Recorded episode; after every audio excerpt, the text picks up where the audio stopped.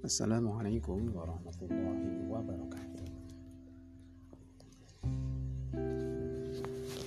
Saudara semuanya, kali ini kita akan bincang-bincang ya tentang hati, hati yang damai, hati yang nyaman, hati yang berbinar-binar.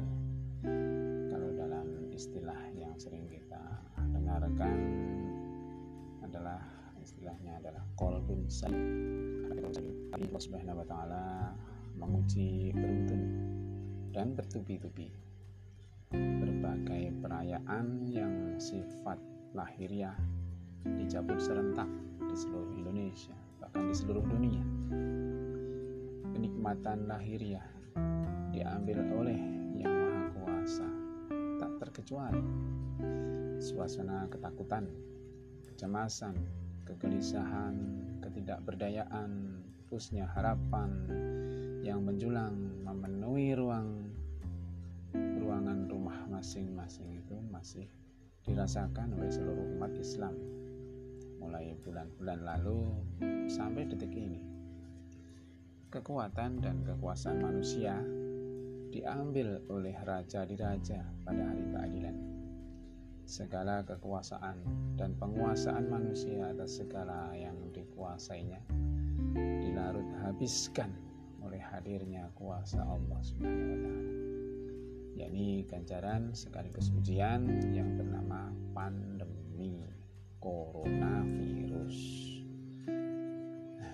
Dengan tendensius merusak peradaban material materialistik kapitalistik dan peradaban sosialis nihilistik yang dituhankan oleh manusia yang mengatakan dirinya sebagai manusia modern.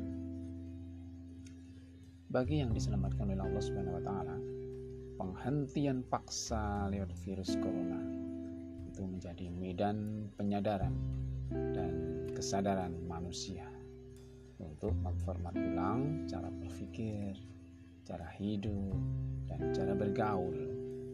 Selain itu, juga bisa dijadikan renungan untuk mengkaji ulang secara mendalam tentang tujuan hidup, entah kehidupan pribadi, keluarga, tetangga, masyarakat, ataupun kehidupan organisasi atau persyarikatan, dan tentu kebangsaan dan kenegaraan kita. Pada kesempatan ini ada baiknya kita berguru kepada guru bangsa. Dalam hal ini saya mungkin milik Persyarikatan Muhammadiyah, yakni Profesor Hamka atau Buya Hamka. Pada tahun-tahun sulit kisaran tahun 60-an, saat negeri ini dilanda pagebluk berupa penyakit pes dan malaria di berbagai wilayah Indonesia Rakyat juga diambang kelaparan karena banyaknya penyakit tanaman yang membuat hasil pertanian busuk. Bersamaan dengan hal tersebut, pakebluk politik juga muncul, yaitu gerakan yang berhasrat mengganti dasar negara Pancasila. Nah, saat itu Hamka dijebloskan ke penjara oleh penguasa selama dua tahun tanpa tahu apa kesalahannya. Di saat itu beliau malah merasa digembleng oleh Allah Subhanahu wa. Sehingga lahirlah karya besar tafsir Al-Azhar. Jadi beliau positive thinking kemudian berkarya dalam kesempitannya dan karyanya ini fenomenal luar biasa. Tafsir Al-Azhar. Ketika penguasa telah berganti dan suasana kembali berubah ke arah yang kurang baik dan otoriter serta korup Buya Hamka memilih mengundurkan diri dari Ketua Majelis Ulama Indonesia.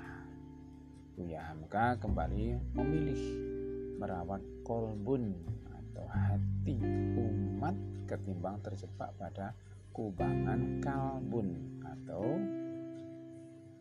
anjing politik yang menurunkan kualitas iman dan Islam. Tidak keras-keras ya.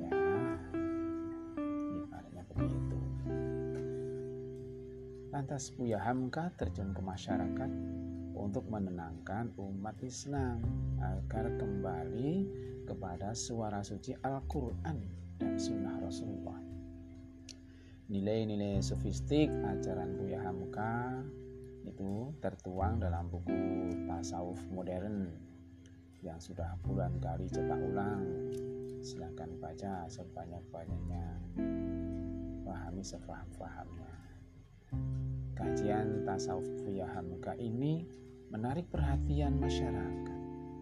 Banyak warga non muslim bahkan mendapatkan hidayahnya yakni bersyahadat dan masuk Islam. Adapun pokok dari nasihat Buya Hamka yang masyhur adalah agar bangsa ini memiliki kolbun salim. Hati yang damai Islam pada khususnya umat manusia pada umumnya itu mengedepankan kemuliaan budi pekerti yang luhur akhlak yang hanif menuju ridho ilahi Allah Subhanahu wa taala yakni mempraktekkan kejamalan dan kekamilan dalam diri manusia untuk mewujudkan Islam yang sebenar-benarnya dengan memiliki kolbun salim kita dapat terjaga dari perilaku kalbun dari asal kata kolbun dan kalbun. Berasal dari bahasa Arab yang berjauhan makna. Kolbun berurusan dengan kemakrufan, dekat dengan perenungan, pertimbangan yang suci, adikung, eh bukan adikung ya, yang luhur.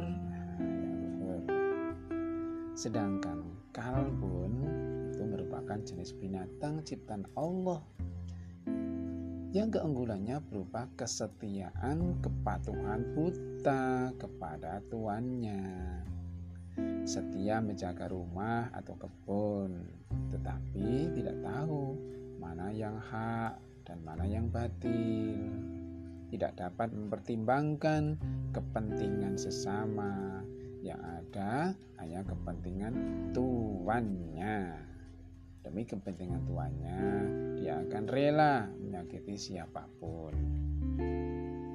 Di masa pandemi ini, semoga kita bisa merenung dan senantiasa menjaga kolbun salim kita sehingga tidak memasukkan kalbun yang cuma wirawiri untuk merebut kefitrahan kita dalam segala cuaca, segala ruang, dan segala waktu. Ya, saja. Semoga kita termasuk orang yang memiliki kolbun salim. Demikian